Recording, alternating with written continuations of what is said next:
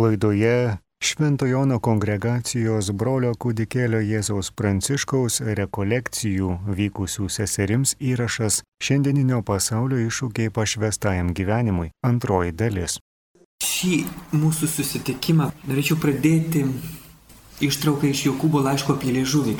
Ir kalbėsim apie tylą. Apie tylą ir jos esminį šaltinį maldą.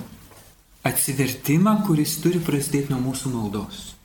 Nes lengva kalbėti apie atsivertimą, puikiai žinom, kad tai ne mūsų jėgoms, kad tai yra viešpaties darbas, o santykis su viešpačiu, ryšys su juo yra pirmiausiai malda. Tai pradėkim nuo to liežuvio. Ką sako Dievo žodis per šventą Jokūbą? Ką kalba tiesos dvasia? Mano broliai, nesistengkite daugelis būti mokytojais. Žinokite, kad mūsų laukia griežtesnis teismas, tai čia mano nes jūs tylite, aš kalbu. Ir manęs laukia griežtesnis teismas, tai labai prašau iš karto jūsų maldos už mano sielos iš, išgelbėjimą. Juk mes visi dažnai nusižengiame. Jokūbas nesako septynis kartus, nes yra parašyta kitur, bet jis parašo, kad dažnai. Mes visi dažnai nusižengiame. Kas nenusideda kalbėdamas, tas yra tobulas žmogus. O kaip žinom, tobulų žmonių šiam pasaulyje nėra. Tobuliai yra tik tai amžinybė. Tai ten, kalbėdami, jie nenusideda. Bet čia toks žmogus sugebės pažaboti ir visą kūną. Jei mes įbrukame žaslus arkliams į nasrus, kad mums paklustų, mes suvaldome ir visą jų kūną. Štai kad ir laivai, nors jie tokie dideli ir smarkių vėjų genami, mažytis vairas juos pakreipia, kur nori vairininkas. Taip pat ir liežuvis yra mažas narys, bet moka girtis didžiais dalykais. Žiūrėkite, kokia maža ugnelė padega didžiausią gyrę. Ir liežuvis yra ugnis, nedorybės visat. Liežuvis glūdi tarp mūsų narių, suteršia visą kūną, padega visą gyvenimo ratą, patsai pragaro padegtas. Kiekvieną žvėrių, paukščių, šliužų ir jūros gyvūnų padermę tramdo ir sutramdo žmonių padermiai o liežuvio jok žmogus nepajėgus suvaldyti. Jok žmogus nepajėgus suvaldyti. Jis lieka vis nerimstanti blogybė, pilna mirtinų nuodų. Juo šloviname viešpatį savo tėvą ir juo keikiame žmonės, kurie sutverti panašus į Dievą. Iš tų pačių lūpų plaukia ir laiminimas, ir prakeikimas. Bet taip, mano broliai, neturi būti. Nejaugi šaltinis iš tos pačios versmės lieja saldų ir kartų vandenį. Argi gali broliai figmedis išauginti alyvas, o vynmedis figas? Taip pat ir surus vanduo negali duoti saldaus. Šitos ištraukos pabaiga mums primena kitą paties Jėzaus pasakytą palyginimą. Apie tai, kad geras žmogus iš gero savo širdies lobino iškelia tai, kas gera, o blogas iš blogo tai, kas bloga ir kad medį iš, iš vaisių pažinsi. Panesi, mūsų širdis, mūsų lūpos iš tikrųjų kalba to, ko yra pertekusi širdis. Arba kaip lietuviai pasakytų, taip labai lietuviškai, ūkiškai, kas kuo kvepia, tuo ir kita tepa. Iš tikrai iš kalbos galime pažinti. Jeigu mes pirmiausiai matome, kas yra blogai, aš pabrėžiu ne vien tik tai, kas yra blogai, bet pirmiausiai matom, kas yra blogai, o ne tai, kas yra gerai. Ir net jeigu ir pamatom, kas yra gerai, tai nesakom, nes tada jaučiamės pažeminti, kad kažkas gali būti gerai. O man sėdint teisėjo krasiai reikia įrodyti, kad viskas yra blogai. Arba kiek galima daugiau dalykų yra blogai. Tada aišku, kad aš iš savo širdies lobino keliu tai, kas ten yra. Ir tas šaltinis nuolat trykšta ir trykšta. Ir jeigu viskas gerai, vis tiek reikia atrasti priežastį, kad būtų blogai. Tada nors oras turi būti blogas. Ir taip yra todėl, kad mes patys to nesuvokdami, nesąmoningai leidžiame, leidžiame melo dvasiai, melo tėvui mus paveikti, kuris suvedžioja mūsų protą, nurodydamas pirmiausiai tai, kas yra blogai. Problema nėra matyti tai, kas yra blogai. Jeigu mes užmerktume akis prieš blogį, irgi būtų netiesa. Mes irgi būtume mele, o netiesoje. Bet blogai yra matyti pirmiausiai blogį. mes visada galime ir turime pirmiausiai matyti gėrį. Net jeigu jo yra ir daug mažiau. Žinoma, matyti ir blogį, bet ne iš karto ir nebūtinai ir ne kiekvienam pasitaikiusiam ar kiekvienai pasitaikiusiai apie jį kalbėti. Bet pamatyti gėrį, jį iškelti ir jį parodyti. A, va čia tai jau yra gero mūsų širdies lobino ženklas pirmasis. Sakykime, kaip mūsų dabartinis popiežius Benediktas XVI, dar kai jis buvo tikėjimo kongregacijos prefektas.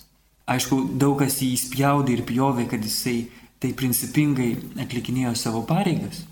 Bet jis visada, būdamas tikėjimo grinumo sargas, jis net ir didžiausiose erezijose pirmiausiai parodydavo tai, kas ten dar yra likę gero ir tiesos. Pirmiausia, pozityviai. Ir šitą savo būdą yra išlaikęs iki šiol, kalbėdamas su, su įvairiais žmonėmis. Pirmiausiai, pamatyti tai, kas yra gera. Ir tai yra svarbu ne tiek, ne tik kitiems dėl kitų, bet pirmiausiai man pačiam.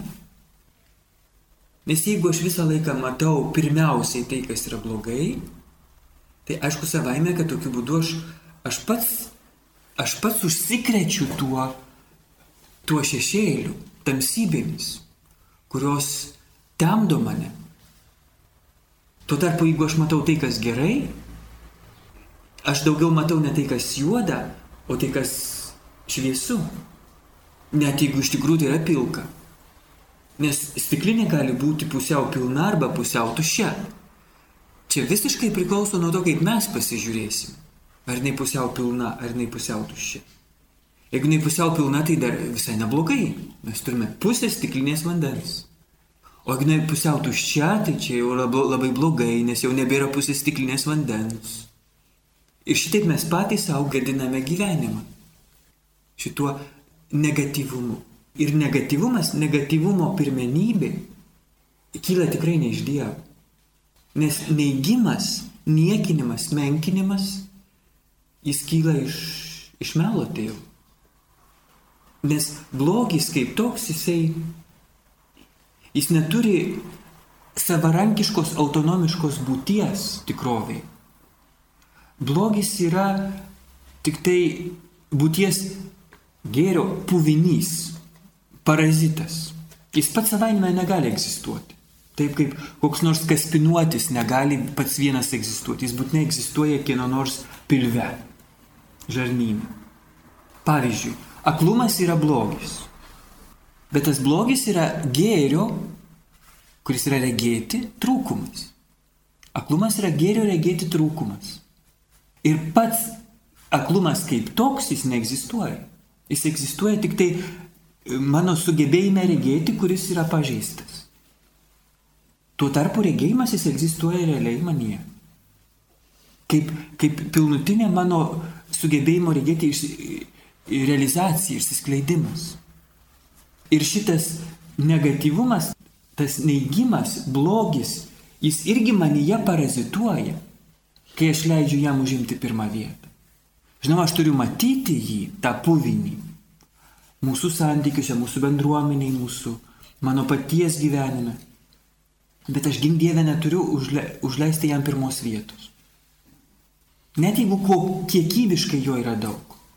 Net jeigu jo daugiau už, už gėrio kiekybiškai. Jeigu visas obolys supuvęs yra likęs tai tik taip vienas mažytis plotelis gero obolio. Vis tiek pirmiausiai man turi rūpėti tas likęs geras obuolys, likęs plotelis. Kitaip, kitaip aš irgi darausi supuvęs tuo pačiu blogiu. Ir kai jau tikrai to blogio yra tiek daug, kad net ir gėrio visiškai nebesimato, nors visada galima atrasti, visada galima atrasti gėrio. Jeigu išsilavini, išsiugdai, išsitreniruoji savo širdies žvilgsnį, savo, savo dvasio žvilgsnį, nuolat pirmiausiai pastebint tai, kas yra gera, visada pastebi to gėrio. Net jeigu jo ir labai mažai. Ir tai labiausiai paliečia ir kitus žmonės. Motina Teresė, pavyzdžiui. Prisimenu vieną jos pasakojimą, kaip jinai Londone ėjo gatve ir sutiko girtuoklį, svirinėjantį. Ir jinai paėmė jį už rankų ir paklausė, kaip gyvuoja. tą girtuoklį. Ir tas girtuoklis akimirksniu išsiblaivė. Ir sako, aš taip seniai nejutau žmogaus ranko šilumos. Motina Teresė pamatė tame girtuoklyje žmogų pirmiausiai. Ir tas girtuoklis išsiblaivęs akimirksniu irgi sutiko žmogų, kuris ištiesė jam ranką. Kiek nedaug kitą kartą trūksta, kiek nedaug te reikia, kad gėrio vis dėlto būtų daugiau. Net ir visai blogio pagrauštame žmoguje. Tik va to kitokio žvilgsnio. Kitokio žvilgsnio, kuris pirmiausiai pamato tai, kas yra gera kitame. Mes būtume, nu, girtuoklis ir būtume praėję. Ir jeigu galima per pagarbų atstumą. O motina Teresė pirmiausiai pamatė, kad yra žmogus. Ir žmogus kenčiantis reikalingas jos pagalbos. Jis buvo pažadėjusi Jėzui rūpintis didžiausiais vargšais. Vargšų vargšais. Ir ne iš karto pažino vargšų vargšą. Nes jeigu žmogus geria, tai vadinasi tikriausiai dėl kažko, ne šiaip so. Kad kažkas jo gyvenime yra skaudu, kažkas yra nelengva. Ir netgi per, per šitokį bruožą galima atpažinti žmogaus jautrumą, kad jeigu žmogus prasigėrė, tai vadinasi nebuvo kita širdis. Vadinasi, jam, jam tas dalykas, dėl kurio jisai prisigėrė, buvo, prasigėrė, buvo jautrus. Ir tokiu būdu galima, matot, net, net per tokią tokią blogio masę įžiūrėti gėrį, jį pažadinti ir jį iškelti paviršių. Bet kitą kartą, kai tikrai nieko nematom, ypač jeigu buvom įpratę matyti ilgai vien tik tai blogį, vienintelė taktika lieka nutilėti blogį. Matyti, bet, bet gink dieną nepliurpti apie jį, nes tada jo darosi dar daugiau. Čia jau, čia jau toks fenomenas. Kuo daugiau pasakai apie ką, tuo daugiau ir darosi. Pasidalintas džiaugsmas padvigubėja, pasidalintas liūdėsys manie sumažėja, bet kitą gali užkrėsti. Ir, ir pasidalintas blogis taip pat padvigubėja. Kadangi mano žvilgsnis į kitą žmogų, kiek kartų mes patys esam tą patyrę, ar ne? Kai jeigu žiūri į žmogų ir man jis atrodo labai geras ir puikus žmogus. Ir ateina koks nors dvišakas liežuvis ir pradeda šnypšti ant to žmogaus. Ir paskui, nori, nenori, mes irgi bent kuriam laikui, bent akimirkos tarpeliui kažkol mes irgi žiūrim į tą žmogų jau nebe taip. Ar ne? Esat patyrusios šitą patirtį. Matot, kaip užtenka vieno mažo, net visai tokios paprastos frazės numestos. Ai, čia tas. Ir iš karto keičia mūsų žvilgsnį į žmogų.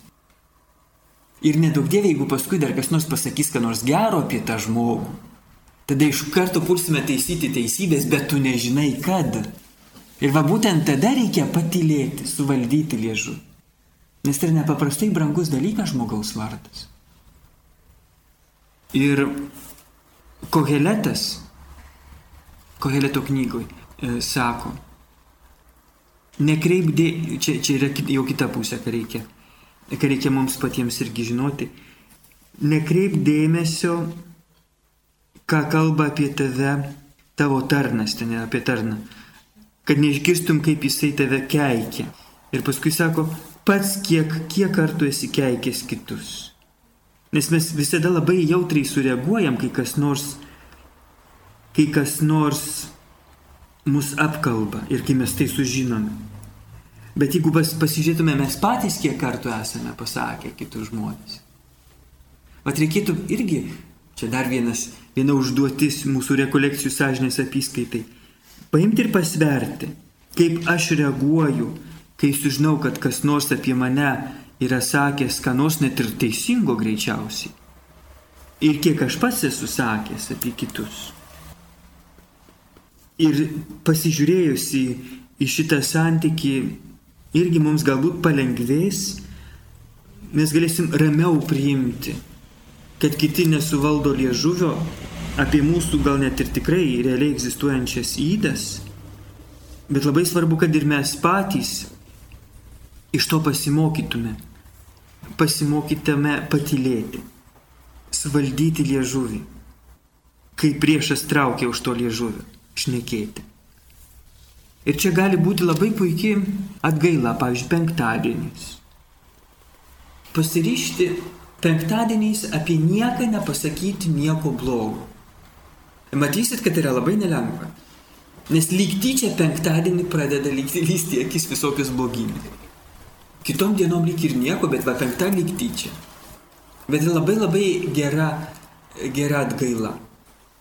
Ir paskui ją galima po truputėlį išplėsti kitas dienas. Bent kartą per dieną nepasakyti blogio, kai jau jau jau turėčiau leptelėjus. Paskui tris kartus per dieną.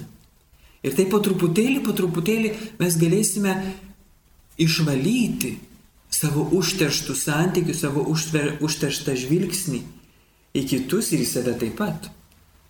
Nes dažniausiai, dažniausiai mes pliurpiam ant kitų, kritikuojam kitus, tvarką kritikuojam, vyresniuosius kritikuojam, seseris kritikuojam, hierarchus kritikuojam, viską kritikuojam, todėl kad pasislėptume patys už to, kas yra negerai ir kad mūsų pačių negerovės netrodytų tokios baisios ir badančios akis. Nes tada galima dar palyginti, nu, uf, jeigu viskupai teikia elgesi, tai ką aš jau čia tokia mažytė sesutė. Tai man tikrai tada galima atleisti. Bet reikia tada labai pabrėžti, kad šitaip viskupai elgesi. Ir tada lengviau pasidaro. Nieko nelengviau pasidaro, tik blogiau pasidaro. Čia taip kaip alkoholikui yra lengviau, lengviau pasidaro, kai atrodo, kas jam lengviau pasidaro, kai išlengia taurelę. Ah, atsigavo širdis, ar ne? Bet iš tikrųjų jis tik dar giliau įklimpo į tą liūną alkoholizmą. Jam vis labiau reikės tos taurelės. Taip ir man, pasakius, ką nors blogo, atrodo palengvėja ant širdies, ar ne? Nieko nepalengvėja, tai aš tik dar labiau tampu šito, šitos sydos vergas išnekėti. Ir išlipti iš tos įdos ne ką lengviau, negu mesti rūkyti ar gerti alkoholikui kokiam. Ir čia reikėtų pasižiūrėti, kiek iš mūsų yra e, plepalų, šmeištų ir apkalbų alkoholikai. Ir tada reikia imtis rimtai gydytis. Eiti pas gydytoją. Pas viešpati Jėzų. Nes jis yra gydytojas, atėjęs gydyti ligonių, nesveikųjų. Nes jeigu mes sveiki, tai Jėzus mums nereikalingas. Jeigu mes teisūs, tai Jėzus mums nereikalingas, nes jis atėjo nusidėlių gelbėti, neteisiųjų. Ir ligonių gydyti, nesveikųjų. Aišku, tai nereiškia, kad dabar pulkime nusidėti kuo labiau, kad Jėzus būtų mums vis, lab, vis, vis arčiau. Kaip čia Švento Pauliaus jau prieš 2000 metų pastebėtas paradoksas laiškė romiečiams. Tai ką sakysime, ar tada reikia nusidėti dar labiau? Nieku būdu, sako Šventasis Paulius, nes nuodėmė ir tai pati, pati savaime ateina, be jokių pastangų. Neateis ir neprašyti, bet vas susivalyti yra daug sunkiau. Ir kadangi net teisusis septynis kartus per dieną nusideda, tai jau tikrai būkite ramios, būsite nusidėlis ir Jėzus bus tikrai jums. Ir be papildomų pastangų. Bet mes turime stengtis atverti savo, savo gyvenimą, savo širdį, savo šitas opas, pūlinius, šituos raupsus Jėzui. Ir prašyti, kad jis mus, kad jis mus gelbėtų iš, iš tų raupsų. Ir labai svarbu, kad mes nereikalautume iš Jėzaus Padaryk, kad aš būčiau švari, kad nebe, nebešnekėčiau, nebeapkalbinėčiau. Padaryk, nes aš noriu. Matot, kur yra klaida? Aš dar ir vėl tave statau į pirmą vietą. Aš noriu ir tu turi padaryti, Jėzus turi mums tarnauti. Jis turi padaryti, kad aš nebešnekėčiau. Jis turi padaryti, kad aš nebepykčiau. Jis turi padaryti, kad aš susivaldyčiau.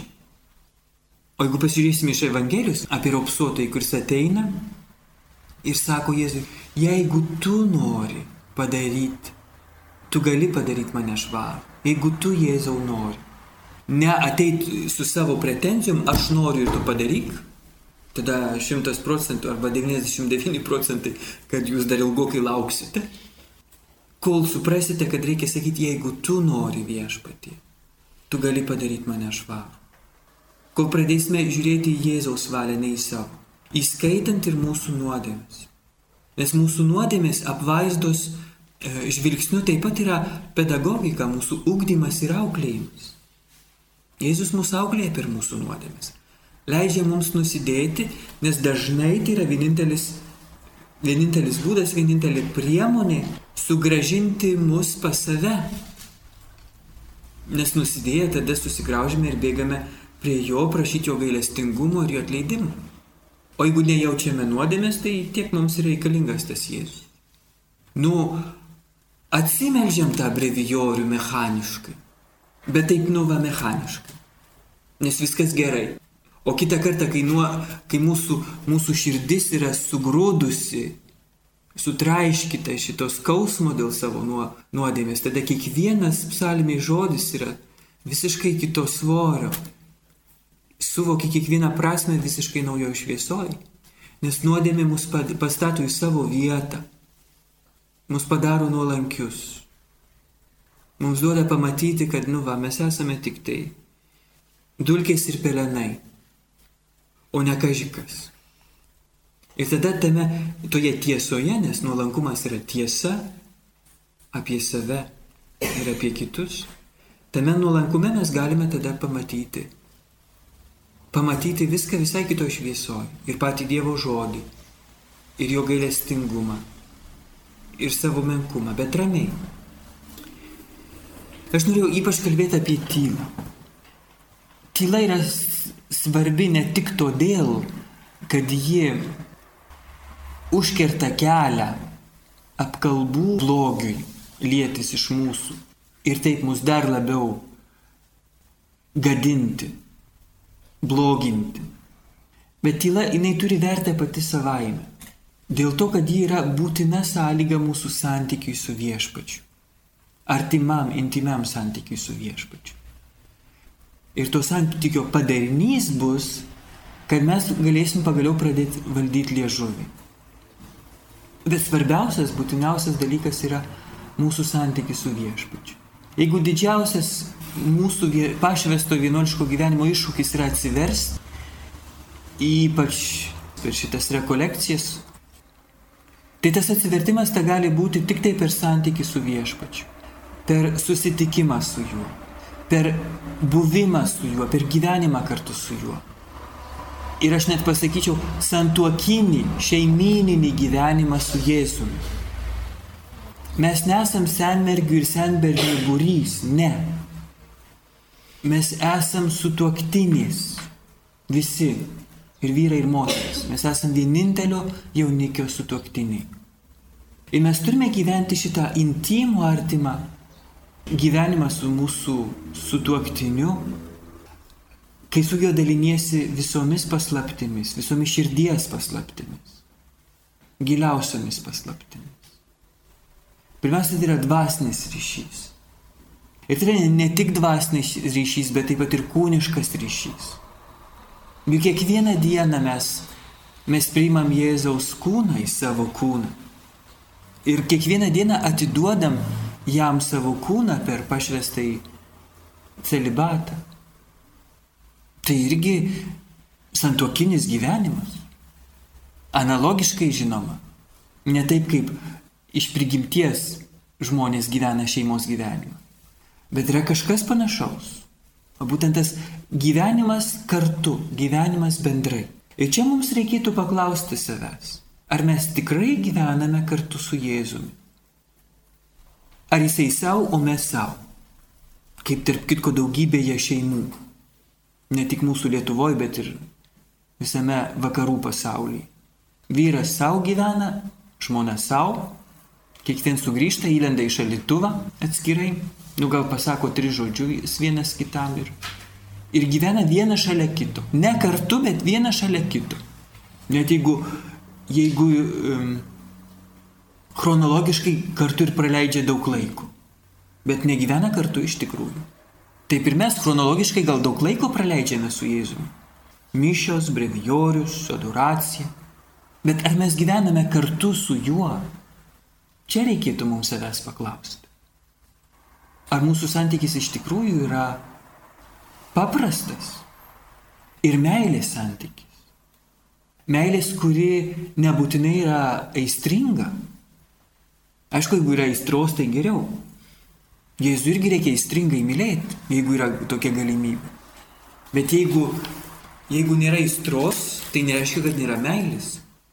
Nes meilė kas yra? Meilė pirmiausia yra mylimo žmogaus tikro gėrio ieškojimas ir troškimas jam.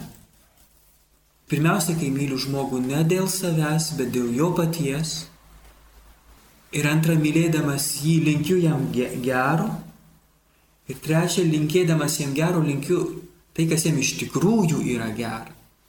Nes kitą kartą galiu linkėti gėrio, kuris man atrodo geris, bet kuris jam iš tikrųjų yra blogis. Ir tai irgi nėra meilė. Ir mūsų santykėje su Jėzumi mes taip pat turime ieškoti jo tikrojo gėrio. Kad jis ieško mūsų tikrojo gėrio mūsų mylėdamas, tai čia savaime aišku. Jo labiau, kad jis ir geriausiai žino, kas man iš tikrųjų gera. Ir jis viską daro, kad man būtų kiek galima geriau, pagal tą tikrąjį gėrį. Mes aišku visai kitaip įsivaizduojame, kaip man turėtų būti geriau. Ir kitą kartą gal net išmetinėjam Jėzui, kodėl tu leidai šitai. Kodėl tu man leidai šitą blogį. Jeigu nebūtų buvę taip, tai man būtų buvę daug geriau. Tai čia mums taip atrodo. O Jėzui tikriausiai taip netrodo, jeigu jis, jis leidžia kitaip. Arba jis tada mūsų nemyli iš tikrųjų. Bet Jėzus negali mūsų nemylėti, nes jis yra Dievas, o Dievas yra meilė. Jis negali mūsų nemylėti. Ir galų gale metafiziškai, jeigu Dievas mūsų nemylėtų, mūsų paprasčiausiai nebūtų. Jeigu mes esame, vadinasi, Dievas mus myli. Nes visa, kas yra, yra mylima Dievo. Net ir piktoji dvasia. Dievas visą myli. Jis nemyli to, ko nėra. Visa, kas yra, yra mylima Dievo. Vadinasi, jis nemyli nuodėmės. Nes nuodėmės metafiziškai būties prasme jos nėra. Jis yra tik tai, kaip, kaip, kaip sakiau, kaip tas parazitas būtyje. Kaip puvinys, greužiantis ir gadinantis būti ir gėri. Taigi mes turime, turime paklausti savęs, kas yra tikrasis Jėzaus gėris, kad galėtume jam jo linkėti ir jo ieškoti. Koks Dievo gėris, tikrasis gėris. Dievo gėris tai yra jo šlovė tikrasis gėris, kad visose jo kūriniuose galėtų išsiskleisti, suspindėti jo šloviai, jo meilės pergalė. Ir šito mes turime ieškoti savo gyvenime. Ieškoti Dievo šlovės, nes tai yra jo tikrasis gėris. Ir jo šlovė įvyksta mumyse, jeigu mes einame paskui jį, jeigu sekame jį, jeigu leidžiamės jo perkeičiami, jeigu leidžiame jam mumyse tą savo šlovę įgyvendinti ir spinduliuoti. Ir šitą mes galime padaryti tik per maldą. Pirmiausiai, ne tik, bet pirmiausiai per maldą. Ir todėl malda yra, yra tikrai mūsų pašvesto vienuoliško gyvenimo siela. Jeigu jos nėra, jeigu nėra sielos, tai mes esame lavonas. Kūnas be sielos yra lavonas. Ir jeigu mūsų gyvenime, mūsų pašvesto gyvenimo kūne nėra sielos maldos, mes esame lavonas. Čia galime irgi dar prisiminti kitai bažnyčiai Jėzaus žodžius. Taigi mums, nes kiekviena iš tų septynių bažnyčių, kuriems rašo Jonas nuo Jėzaus, mes kiekvienoje galim save atpažinti. Absoliučiai kiekvienoje. Laodikijos bažnyčioje apie drungnumą. Sardų bažnyčiai. Aš žinau tavo darbus, tave vadina gyvų, o tu esi miręs. Prabusk ir stiprinkas dar tik merdi. Tave vadina gyvų, o tu esi miręs. Ar taip nėra ir su mumis? Kokia yra maldos vieta, realiai maldos vieta mūsų gyvenime? Ar tai yra tik tai kosmetinis pagražinimas? Pareiga, nuobodi, sunki, nereikalinga, pareiga mūsų gyvenime, greitomis e, subarbentos maldas, ar, ar centrinis ir esminis mūsų gyvenimo dalykas. Kad malda būtų centrinis ir esminis mūsų gyvenimo dalykas, nebūtina, kad jinai užimtų daugiausiai laiko mūsų gyvenime. Čia ne, ne kiekybės klausimas, bet kokybės. Į kurią vietą mes savo maldą pastatome. Nes nuo to priklauso ir visa kita. Jeigu visi dalykai yra savo vietoje, viskas tada eina kuo puikiausiai. Bet jeigu mes sumaišom ir kažką pastatom ne į savo vietą, tada yra negerai. Popiežius Benediktas XVI nuo pat savo išrinkimo dienos nepaliauja raginti kunigus, tas aišku tinka apašuko gyvenimo sesutėms kaip jums, neužleisti maldos. Kiekvieną progą kai susitinka su kunigais, su, su viskupais, jis primena, kad svarbiausias dalykas, kad mes būtume maldo žmonės. Nes tik taip mes būsime gyvi. Tik taip mūsų gyvenimas bus tikras liudijimas. Jeigu ne, tai yra tik spektaklis. Ir kuris šio laikiniam žmogui gali būti net juokingas. Ir apgailėtinas. Mes galim kelti gailestį. Kai pat, pačios jaučiame, patys jaučiame, jog esame, nu va, įkišti kažkokius rėmus, kurie neleidžia mums būti savimi, neleidžia įsiskleisti, būti laimingam. Ir mes tikrai ne, nebūsime laimingi, kol nebūsim giliai atradę maldos ir pastatę jos į mūsų gyvenimo centrą. Bet reikia va taip va nuspręsti, nuo šiandien atsikelsiu pusvalandžio anksčiau ir eisiu į vidinę maldą. Susitikti su Jėzumi. Nemastyti apie Jėzų, bet susitikti su Jėzumi. Matot šitą labai subtilų skirtumą? Kai aš einu susitikti su mylimu žmogumi, pasimatymu, ir kai aš einu mąstyti apie jį. Aš galiu sėdėti parke ant solelio ir mąstyti apie mylimą žmogų jo belaukiant. Taip. Bet kai jis ateina, aš jau turiu nustoti mąstyti apie jį, nes jis yra čia. Bet tada aš turiu su juo bendrauti. Būti kartu su juo, jį mylėti. Nes kitaip, jeigu aš toliau užsimerkęs mąstysiu, jis pasitrauks. Matot, kaip, kaip svarbu, kad mūsų malda būtų re, realistinė. Kad ne, nebūtų atšokusi mūsų vaikai, tai nebūtų mūsų vaizduoti, bet kad tai būtų tikrovė. Nes tikrai aš galiu sėdėti parke ant solelio ir įsivaizduoti savo mylimą žmogų. Kai jis visai čia pat. Reikia tik akis atmerkti. Bet mano vaizduoti tai nėra tikrovė. Tikrovė yra kur kas daugiau už mano vaizduotę. Nepalyginamai daugiau. Ir todėl, kai žmogus myli kitą žmogų, neužtenka vien tik jį įsivaizduoti. Yra troškimas būtinai jį susitikti tikrovai. Ar mes turim šitą troškimą Jėzaus atžvilgiu? Ar mes esame užsiliuliavę savo, savo vaizduotėje, savo mąstymę apie Jėzų? Kasdieniniam galbūt, labai sąžininkai atliekamame. Bet ar mes susitinkame patį Jėzų? Taigi, va, pirmiausias dalykas, jeigu buvom apleidę šitą laiką, nuo šiandien pat, rytoj vadinasi, keliamės pusvalandžio anksčiau, ar kiek ten jums priklauso pagal jūsų, kiekvienos iš jūsų kongregacijos regulą ir ščirai einam susitikti su Jėzumi. Ir tas susitikimas gali būti bet kur, nebūtinai bažnyčioje, nes ten labai treška. Ir tada labai blaško. Tai gali būti toj koplytėlį, tai gali būti mūsų celiai, kambarį, jeigu esam viena, arba net jeigu esam kelios, jeigu kitos išėjo į bažnyčią ar, ar, ar koplytėlį, aš galiu čia pat savo celiai melstis tyloje. Labai svarbu šitą tylą, kad tikrai niekas netrukdytų. Išorinė tyla padeda tada ir vidiniai tylai. Nes kai yra išorinių traškesių ir kitų trūkdžių, tada žinoma ir, ir viduje jie aidu atsiliepia. Išblaško mane.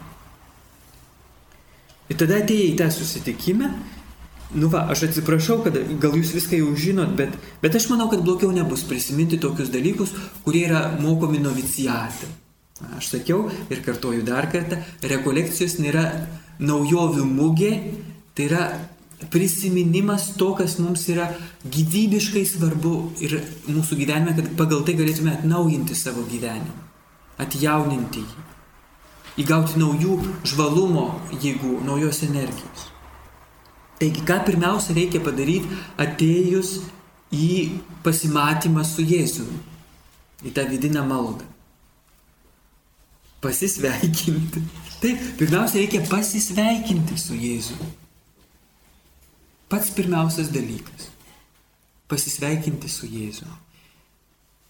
Ir, ir pasisveikinti kaip su mylimuoju, o ne kaip su biurokratu, sėdinčiu savo kabinete, iš kurio turime kažką gauti, išmušti, pramušti kažkokį tai popierių.